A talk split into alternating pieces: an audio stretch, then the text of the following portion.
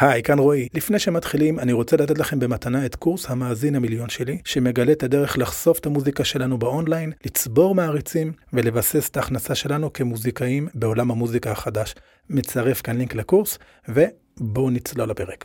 ספוטיפיי או יוטיוב, או גם וגם, מה יותר טוב, מה יותר מתאים למוזיקאים. אהלן חבר'ה, אז בואו נצלול לפרק הזה. אנחנו מדברים על שתי פלטפורמות מאוד רלוונטיות למוזיקאים עצמאיים. הכנתי שש נקודות אה, שבהן אני בעצם משווה את ספוטיפיי לעומת יוטיוב. הנקודות הן חיבור לקהל ובניית מותג אישי, חשיפה לתוכן שלנו, היכולת לייצר נוכחות, עקומת הלמידה בכל פלטפורמה, הכנסה ותכלס, נקודה שישית, קידום מוזיקה. אז אה, בואו נתחיל. הנקודה הראשונה היא חיבור לקהל ובניית מותג אישי. לפי דעתי יוטיוב. יוטיוב יותר מתאים כי ביוטיוב יש לנו אפשרות לספר סיפור, יש לנו אפשרות לבוא עם איזשהו נרטיב מסוים שאנחנו רוצים לייצג ולבטא אותו בצורה שהיא מעבר למוזיקה. כן, המוזיקה מדברת בעד עצמה, אבל בואו, קודם כל המדיום הוא יחסית מוגבל, זה רק אודיו, כשאנחנו מדברים רק על אה, מוזיקה. ובנוסף לזה, כשיש לנו אפשרות ביוטיוב להרחיב בנושא ולהעמיק, אז זו הזדמנות אדירה לחבר'ה שהם כמונו, שמאמינים באמונות שלנו, שמאמינים בתפיסות העולם, שוב, בנרטיב שאנחנו רוצים להעביר לעולם, אז זו הזדמנות בשביל, בשבילם להכיר אותנו, וברגע שאנחנו בונים אותה מערכת יחסים, בתקווה הם גם יתעניינו במוזיקה שלנו. אנשים מתחברים בסופו של דבר, ואגב, אנשים גם קונים מתוך רגש. לפעמים הם מצדיקים את זה מבחינה שכלית, אבל הם קונים מתוך רגש. אנחנו קונים מתוך רגש. ויוטיוב הוא הזדמנות אדירה להתחבר אלינו רגשית. בנוסף לזה, בזמן שרשתות חברתיות, במיוחד עכשיו, הן מדגישות יותר את התכנים הקצרים, 15 שניות, 30 שניות, 45 שניות, דקה, דקה וחצי. יוטיוב מאפשרת לנו ומאפשרת לאנשים שרוצים, שמתעניינים במה שאנחנו עושים, לצלול פנימה, להעמיק ב-long form content, אנחנו יכולים לפתוח מצלמה. למעשה גם הפודקאסט הזה, נכון, הוא פודקאסט מצולם, אז הוא לא פר אקסלנס יוטיוב פוקוסט. Uh, אבל זה אותו רעיון, אנחנו מעמיקים בנושא, מדברים, וזו הזדמנות אדירה לחבר את האנשים אלינו. יוטיוב הוא טוב גם לאנשים עם אופי מוחצן יותר, שהם אה, בצורה יותר טבעית מתקשרים, נאמר, וגם למופ... למופנמים, אבל בכל מקרה, גם המופנמים הם מתקשרים, הם פשוט מתקשרים בצורה אחרת. ואם שני הטיפוסים האלה יודעים לתקשר, כל אחד ואחת בדרך שלו או שלה, הקהל יגיע. כי בעולם יש המון מופנמים, בעולם יש המון מוחצנים, והפלטפורמה היא לא מיועדת רק לאלה שאוכלים מצלמה, ממש ממש לא, הם פשוט תביאו את עצמכם, זה הדבר הכי טוב לעשות. ספוטיפיי היא לפחות כרגע מאפשרת אולי לינקים לאינסטגרם, לוויקיפדיה, אם יש לכם ויקיפדיה. אבל מעבר לזה, זה בעיקר אפליקציה נכון לעכשיו שהקונספט שלה הוא להישאר clean, זאת אומרת לשים את המוזיקה ב front ולא להיות יותר מדי מעורבת מבחינה חברתית. כלומר, engagement, מעורבות בין האומן לקהל, על אף ששמעתי שיש להם כן כוונות לייצר את זה. אבל אני חושב ש...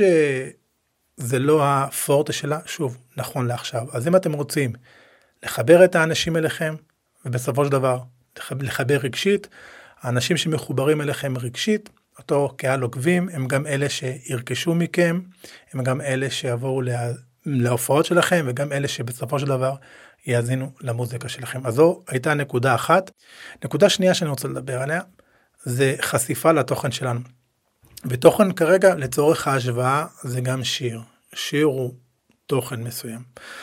אז גם בספוטיפיי וגם ביוטיוב יש אלגוריתם מדהים שהם פיתחו שיחשוף את השיר שלנו, או את השיר הווידואלי שלנו, או את התוכן סביב המוזיקה, ואני אדבר על זה בהמשך, ככל שעובר הזמן. בהנחה והתוכן הוא תוכן טוב, ויש לו קהל, הוא ימשיך לחשוף אותו. כלומר, בשני ה... בשתי הפלטפורמות, התוכן הוא בעצם נכס שככל שיותר, שעובר יותר זמן, הוא משתבח. לרוב, עם הזמן, ואנחנו מדברים על מוזיקה שהיא לרוב evergreen, זה לא שאני עכשיו איזה יוטיובר, למשל אם אנחנו מדברים על יוטיוב שמוציא uh, review, ביקורת על איזשהו אייפון שיצא עכשיו, כי עוד כמה שנים זה כבר לא יהיה רלוונטי והצפיות ידעכו. אז בגדול, שתי הפלטפורמות יש להם אלגוריתם שהוא עוזר לנו לקבל יותר חשיפה, אבל בשתיהן אנחנו נדרשים לעזור לו ולעזור לנו. לפי מה שאני מזהה ביוטיוב יותר ברור ויותר מובן לפצח את האלגוריתם שלו מאשר האלגוריתם של ספוטיפיי. ביוטיוב אנחנו יכולים לנצל כל מיני יכולות, טקטיקות כישורים סביב SEO ובכך לעודד את האלגוריתם לחשוף אותנו. SEO זה בעצם Search Engine Optimization שבקצרה יש לנו היום אפילו הרבה תוכנות שיכולות להראות לנו הרבה חינמיות מה אנשים באמת מחפשים ואנחנו אומרים אה הם מחפשים את זה אז אין בעיה אני אצור תוכן על זה זה באמת מתכתב עם מה שאני עושה ואז הסיכוי להתגלות הוא יותר אה, יותר גבוה.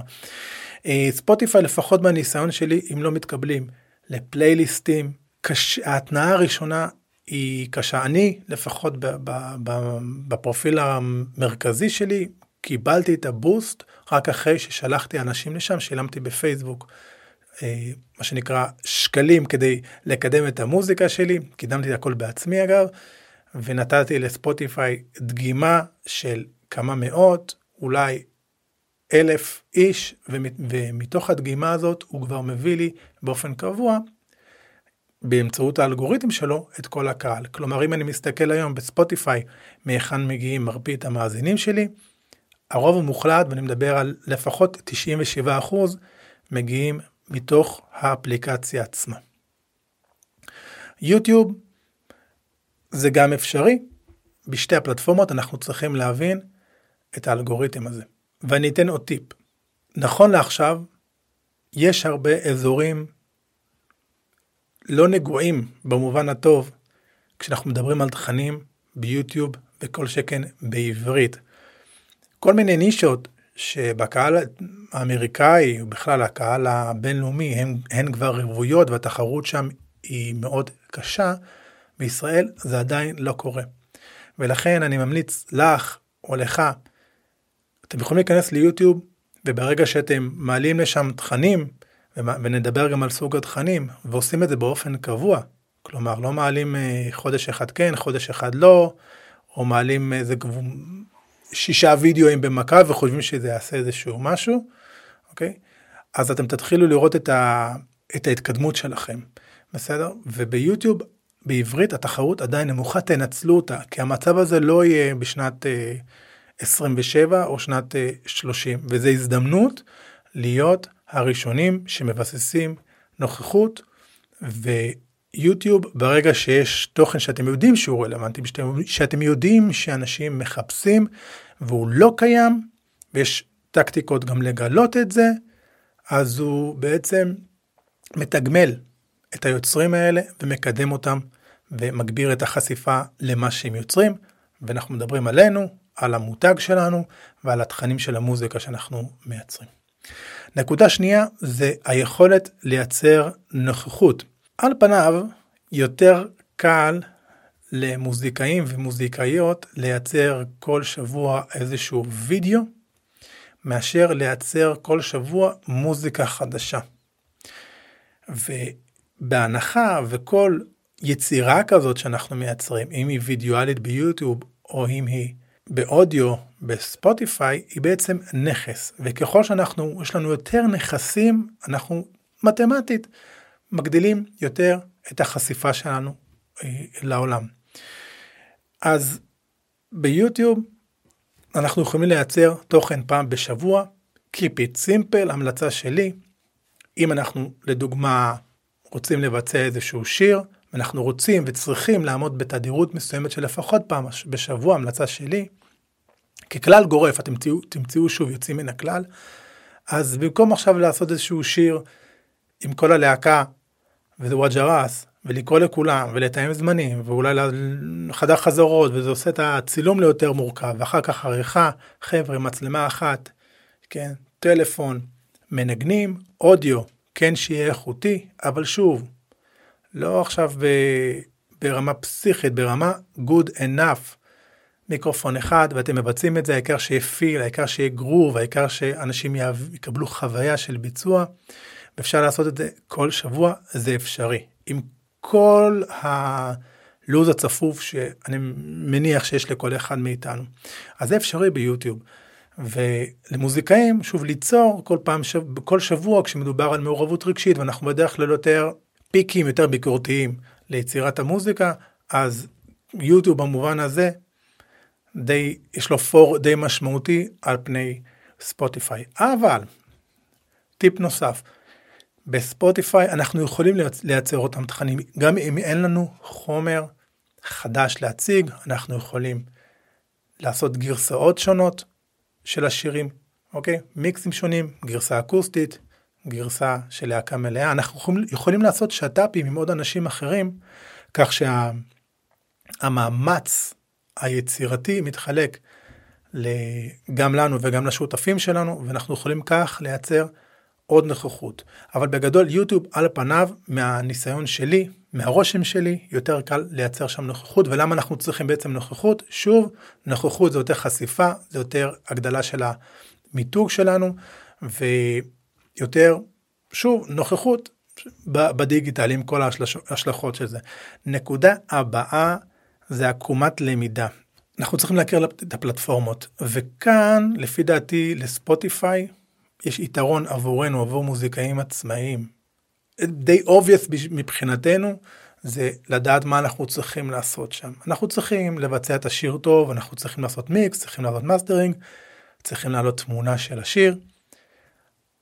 התחום של האודיו ככלל הוא די ברור, הוא גם די נקי, אין שם יותר מדי. לעומת זה ביוטיוב, אנחנו צריכים לרכוש סקילס, יכולות, שאם הם, אין לנו אותם באופן טבעי, אנחנו צריכים א', רצון, אה, ובשביל זה אנחנו צריכים להבין בעצם את המטרה הגדולה. למה אנחנו עושים את זה? כי לפעמים היכולות האלה לא מעניינות אותנו בהתחלה, לא בא לנו עכשיו לדעת איך לעשות משהו מסוים. מה שמרכזי ביוטיוב זה לדעת להשאיר את המאזינים ואת הצופים על הוידאו. אם אנחנו מייצרים מוזיקה, אנחנו צריכים שהמוזיקה תהיה מאוד רלוונטית, כלומר אם אין שם מילים, אנחנו לא מדברים אלא רק מנגנים, אנחנו צריכים לדעת לתפוס את הצופים, את המאזינים, כבר בשניות הראשונות. שאגב, זה גם בספוטיפיי קורה כשאנחנו מבצעים שיר.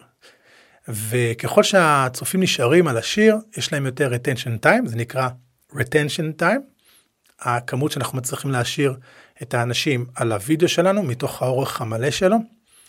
ויוטיוב מקדש את זה. למעשה זה הדבר כנראה הכי חשוב בפלטפורמה של יוטיוב.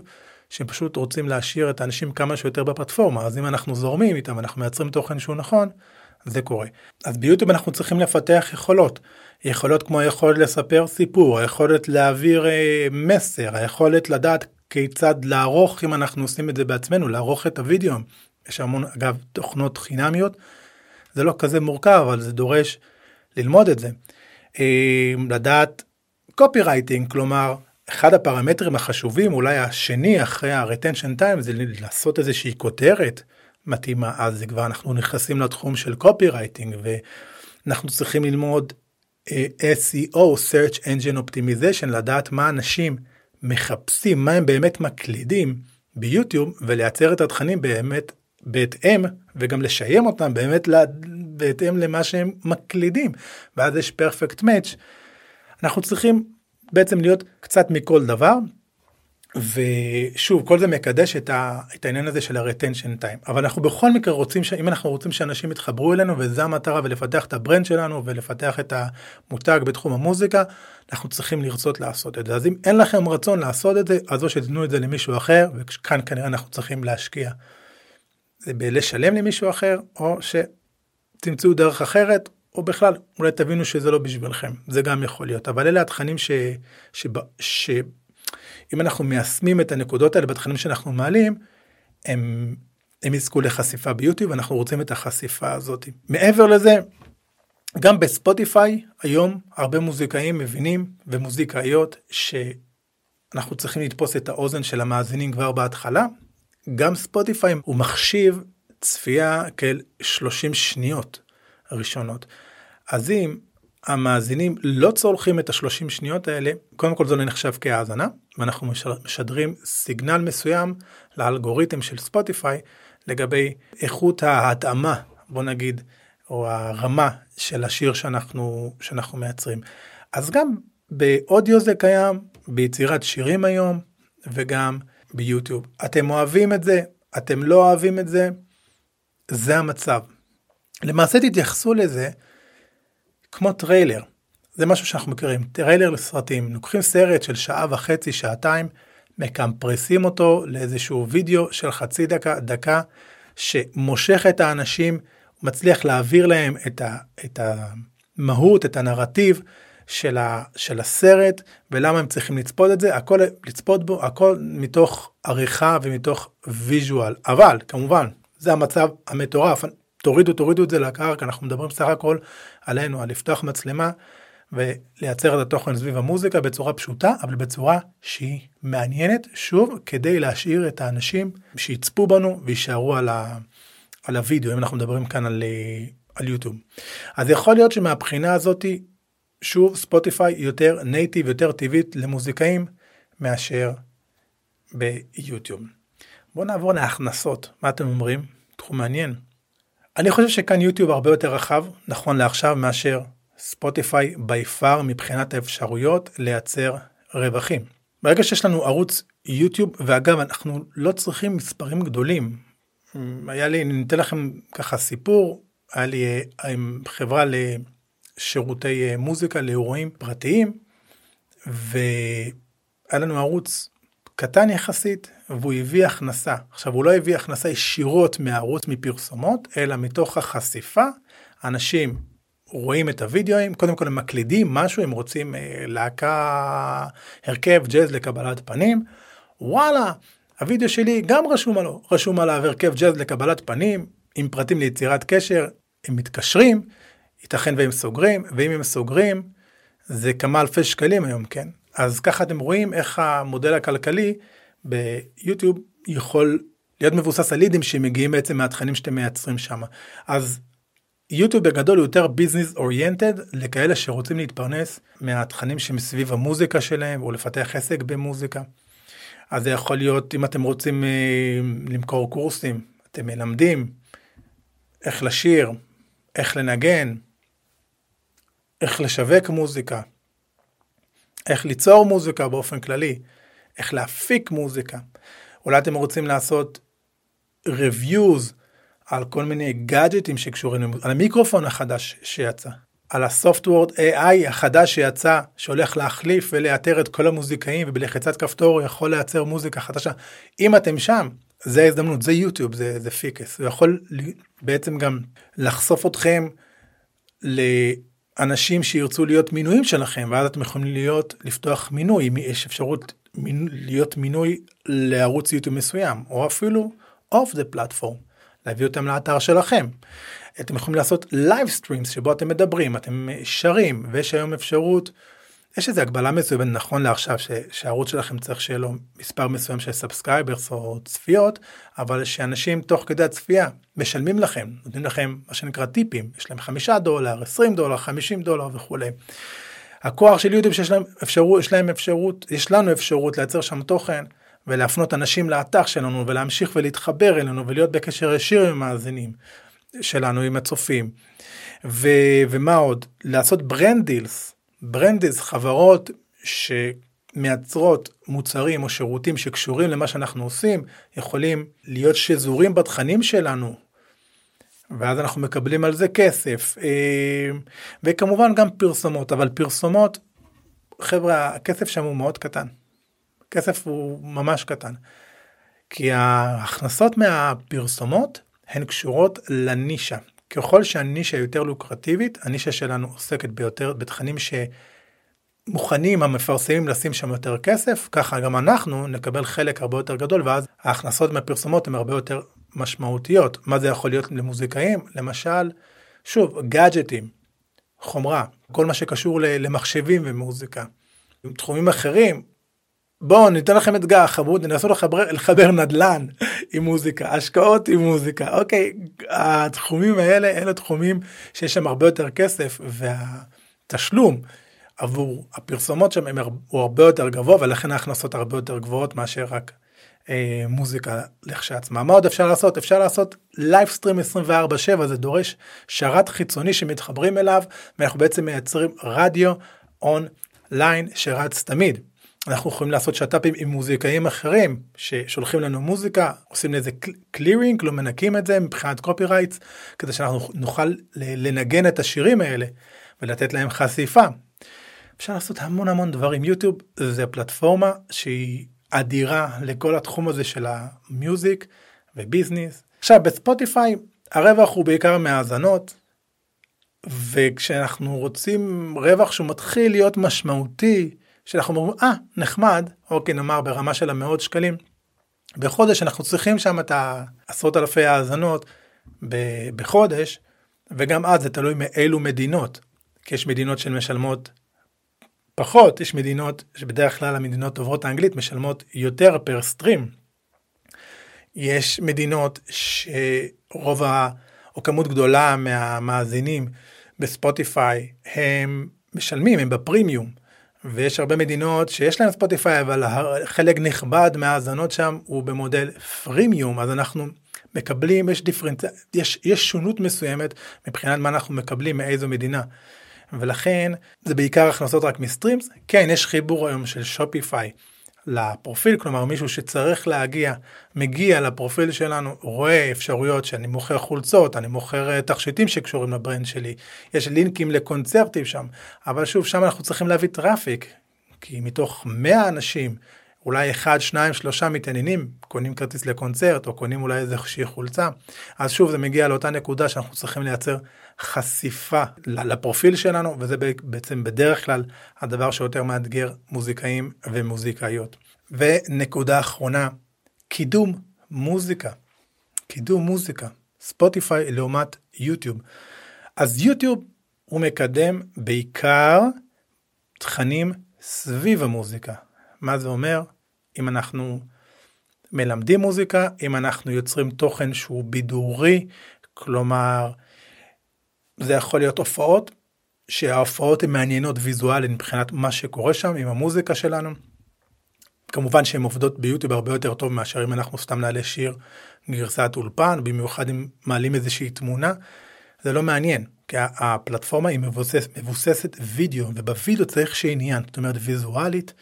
אם אנחנו עוסקים במידע, אנחנו נותנים איזשהו מידע סביב המוזיקה, נגיד שיש לי איזשהו בלוג בתחום המוזיקה, ואני גם צריך לדעת שוב, מחזיר אותי לאחת הנקודות הקודמות, לדעת איך להעביר את התוכן הזה ולדבר עליו. אז יוטיוב הוא מקדם בעיקר דברים כאלה, ואם אנחנו רוצים, אתם אומרים, רגע, לא מעניין אותי הדברים האלה, אני רוצה שאנשים יאזינו למוזיקה שלי, ואני לא רוצה לדבר על המוזיקה, אני רוצה תכלס, שאנשים ישמעו את המוזיקה שלי, עזוב אותי מהתכנים סביב המוזיקה, אני רוצה תכלס מהדבר עצמו, אז זה אפשרי כשאנחנו לוקחים את המוזיקה שלנו ואנחנו שמים אותה בקטגוריה שאנשים מחפשים. כלומר, אנשים לא יחפש במידה, ואנשים לא מחפשים את השם שלנו, שאנחנו עדיין לא שם, שאנשים תכלס זוכרים את ה-SEO, לא מקלידים, אז אנחנו ניקח את המוזיקה שאנחנו עושים, ואנחנו נוכל לשיים אותה בכותרות, וכך לייצר חשיפה יותר גדולה, כי אנחנו נדע שאנשים מחפשים את זה. למה אני מתכוון? אם אנשים אוהבים folk indie music, והם נכנסים ליוטיוב ו... והם רושמים folk או indie folk music live concert משהו כזה. רוצים לראות הופעה של indie folk בסדר? ואנחנו עושים indie folk אז כמובן מה שאנחנו נעשה אנחנו נשים בכותרת indie folk live music ואנחנו נדע גם שוב נעשה לפני כן איזשהו מחקר קטן של מה שאנשים מחפשים. יש תוכנות כמו טיוב באדי וויד איי-קיו אפשר גם לחפש בגוגל ואפשר גם לראות את התוצאות שאנחנו מקלידים ביוטיוב, לראות מה, מה יש שם ולקחת כותרות שכבר מופיעות שם, ואז אנחנו לוקחים את השיר שלנו ובמקום לשים כותרת ולהגיד השיר קוראים לו uh, Alone in the Desert, כן, על ידי uh, להקת, לא יודע, מאיה והחברים, זה לא יעבוד. אנחנו צריכים לקחת, אנחנו נרשום, במקום מה שאמרתי עכשיו, כי אנשים לא מקלידים את זה, תזכרו זה הרעיון, לרשום כותרת שאנשים מחפשים, כי יוטיוב הוא מנוע חיפוש ששם אנשים רוצים למצוא את התכנים שלהם. אז אם אנחנו יודעים מה אנשים מחפשים, ואנחנו יודעים שיש לנו את התכנים האלה שמתאימים, אנחנו רק צריכים לדעת לשיים אותם בצורה שונה. מוזיקה אה, שמאוד מצליחה ביוטיוב זה כל מה שהיא קשור למוזיקה שהיא בבקראונד, מוזיקה שאנשים שמים ברקע. מוזיקה רגועה, מוזיקה צ'יל, מוזיקת לא-פיי, זה יכול להיות פסנתר, זה יכול להיות גיטרה, מוזיקת ג'אז, אז הדברים האלה הם עובדים, יש להם הרבה האזנות, אבל שוב, צריך לדעת איך לשיים אותם, זה כנראה לא יהיה תחת השם שלכם, אלא אם כן את או אתה, אתם כבר מותג, ואז כן, ואנשים מחפשים אתכם, ואז זה יהיה אפשרי. אז ככה אנחנו מדברים על יוטיוב, כשאנחנו רוצים לקדם את, ה, את היוטיוב, ובמיוחד אם אנחנו רוצים לקדם מוזיקה שהיא מקורית שלנו. דבר מאוד חזק שעובד ביוטיוב, והרבה מוזיקאים, יש כאלה שאוהבים את זה, יש כאלה שממש לא, זה לעשות קאברים. לוקחים שיר שאתם יודעים שאנשים מחפשים, אני שוב מחזיר את זה לנקודה הזאת של ה-SEO. אנחנו יכולים לראות, כן, השיר הזה, שיר מסוים, יש לו 100 אלף חיפושים בחודש ביוטיוב, או אפילו אם הוא יצא עכשיו. אז אנחנו לוקחים את השיר, מחליטים לעשות קאבר, והקאברים האלה הם זוכים להרבה חשיפה. שוב, כי אנשים מחפשים גרסאות וביצועים שונים אה, לשירים ידועים, וגם אם, אם הם שומעים את השירים הידועים, האלגוריתם של יוטיוב, אחרי נאמר שמאזינה האזינה לשיר ידוע של אומן שהיא אוהבת, הוא ייתכן והוא יציע לה כבר באופן אורגני קאבר שקשור לשיר הזה בהנחה והיא תהיה מעוניינת לשמוע אותו כי היא אוהבת את השיר. אז בעצם כאן אנחנו רוכבים על שירים מוצלחים שהם keywords, זאת אומרת אלה מילים, הכותרות של השירים, מילים שאנשים מחפשים, וזה אפשרות שלנו לקבל חשיפה. אני באופן אישי מאמין שאם אומנים מבססים את הערוץ שלהם רק על קאברים, הם לא מבססים את עצמם כאומנים עצמאיים. אוקיי, אז אם אומרים לכם את זה, אני חושב אחרת, זאת אומרת, אם אומרים לכם ההפך, כי אז הם הופכים להיות, זה הופך להיות ערוץ של קאבריסטים, ואז רוב האנשים מגיעים בגלל הקאברים ופחות בגלל החומר המקורי. אז אסטרטגית, תחליטו אם אתם הולכים על זה, ואם אתם החלטתם שאתם הולכים על זה, אם אתם עושים את זה אולי בצורה משולבת, שאתם משלבים קאברים לצד חומר מקורי, כי בסופו של דבר אתם רוצים לקדם את המוזיקה שלכם, אבל באמצעות קאברים אתם יכולים להפגין את היכולות שלכם דרך אה, מילים, ש, שירים שאנשים כבר מחפשים ולקבל שם באמת יותר חשיפה. אבל שוב, תחליטו באיזו חשיפה אתם באמת באמת אה, מעוניינים. ואנשים מקלידים שם, שוב, ז'אנרים, מקלידים אה, שהם רוצים להאזין לכלי נגינה מסוים, תלמדו את הנושא הזה. אוקיי, אם אתם רוצים ללמוד את הנושא, ואולי אני אקדיש אה, פרק בנושא של איך, איך להתגלות ביוטיוב מהבחינה הזאת. אז אה, זה מה שקורה בספוטיפיי, להבדיל מיוטיוב, ספוטיפיי הוא מקדם רק מוזיקה. רק מוזיקה. יחד עם זאת, היום, נכון לעכשיו, שוב, בישראל הרבה אנשים דמוגרפיות שונות, גילאים שונים, עדיין מאזינים למוזיקה ביוטיוב. ועדיין הרבה חבר'ה שיש להם ספוטיפיי בישראל הם במינוי שהוא פרימיום, הם לא משלמים עליו. אז אני עדיין חושב שוב שאם אנחנו יוצרים מוזיקה שהיא מיועדת לקהל ישראלי, וכל שכן גם אם אנחנו מייצרים מוזיקה שאנחנו יודעים שהגילאים שעשויים להיות להתעניין במוזיקה שלנו הם יחסית יותר מבוגרים, לא ה-20 הם אולי יותר ה-35 וצפונה, אז יוטיוב מאוד מאוד מאוד רלוונטי ליוצרים ישראלים שיוצרים מוזיקה עבור הקהל הישראלי. יוטיוב מהבחינה הזאת הזדמנות מאוד חזקה ליוצרים ישראלים ש, שמבצעים מוזיקה בעברית. אני רוצה לסכם את מה שאמרנו עכשיו, כי חשוב להגיד את זה. ספוטיפיי וגם יוטיוב אלה פלטפורמות חשיפה חזקות, אבל הן דורשות, זה מערכת יחסים שלנו עם הפלטפורמות האלה, זה דורש מאיתנו מחויבות לאותה מערכת יחסים, זה מחייב אותנו לייצר כמות, לייצר איכות. ולעשות את זה באופן תמידי, באופן קונסיסטנטי. אלא אם כן אנחנו מקרים יוצאי דופן, ושוב, יכול להיות שיש לנו איזשהו סרטון שאנחנו העלינו בפעם הראשונה ליודיו, ווואו, הפך להיות ויראלי. אני מדבר רק מבחינה אורגנית, לא, לא ששילמנו, כן? זה, זה הכוונה בלהיות אורגני. מדובר בגרף שאיך שאתם תראו אותו, אתם תראו אותו במשך אפילו חודשים, אולי אפילו שנה, אפילו יותר, בהנחה ואנחנו מעלים תכנים פעם בשבוע, גרף די שטוח של כמות מאזינים שייתכן שהיא הרבה יותר נמוכה ממה שאנחנו מצפים אה, מצפים לה. לאט לאט אחרי תקופה של כמה חודשים, שנה, אולי שנה וחצי, אנחנו פתאום נתחיל לראות את, ה, את העלייה הזאת בגרף, ומשם זה בום, זה יכול להיות לטוס למעלה. אבל שוב, אנחנו צריכים לייצר את התכנים הראשונים האלה, כי יוטיוב בעצם אומר לנו, וגם ספוטיפיי, תראו לי שאתם רציניים. תראו לי שלא באתם כאן רק סתם כי חבר אמר לכם שיוטיוב אפשר לייצר שם כסף. לא, אתם צריכים להיות שם כדי להישאר שם. ובשבילנו כאומנים, ש... כדי שאנשים יתחברו אלינו, כדי שאנשים ייחשפו למוזיקה שלנו, שתי הפלטפורמות מחייבות את התדירות הזאת. גם ב... בספוטיפיי. אני ממליץ להוציא שיר כל חודש, כל שישה שבועות לכל היותר. שוב, ככל שיש לנו יותר תכנים, יותר פיילים שאנחנו מעלים, יותר נכסים, ככה אנחנו שוב, דיברתי על זה גם בפודקאסט הקודם, זה כמו פרדס, ככל שיש לנו יותר עצים, אנחנו נניב יותר פירות, וזה מה שאנחנו רוצים. וזה עבודה. זה דורש הרבה זמן, זה דורש הרבה השקעה כספית של זמן, וגם השקעה רגשית, זה עבודה לכל דבר. אבל זה אפשרי. לרוב האנשים, לשלב את זה במה שהם עושים, רק צריך לדעת איך לנהל את היומן שלנו, אבל להתייחס לזה כעבודה אה, בפני עצמה. מעבר לזה, אני חושב שזה לא או-או, אני חושב שאם אנחנו עובדים גם בספוטיפיי וגם ביוטיוב ביחד, זה יכול להיות מאוד עוצמתי, אז תשקלו את שניהם. ומה זה לשקול?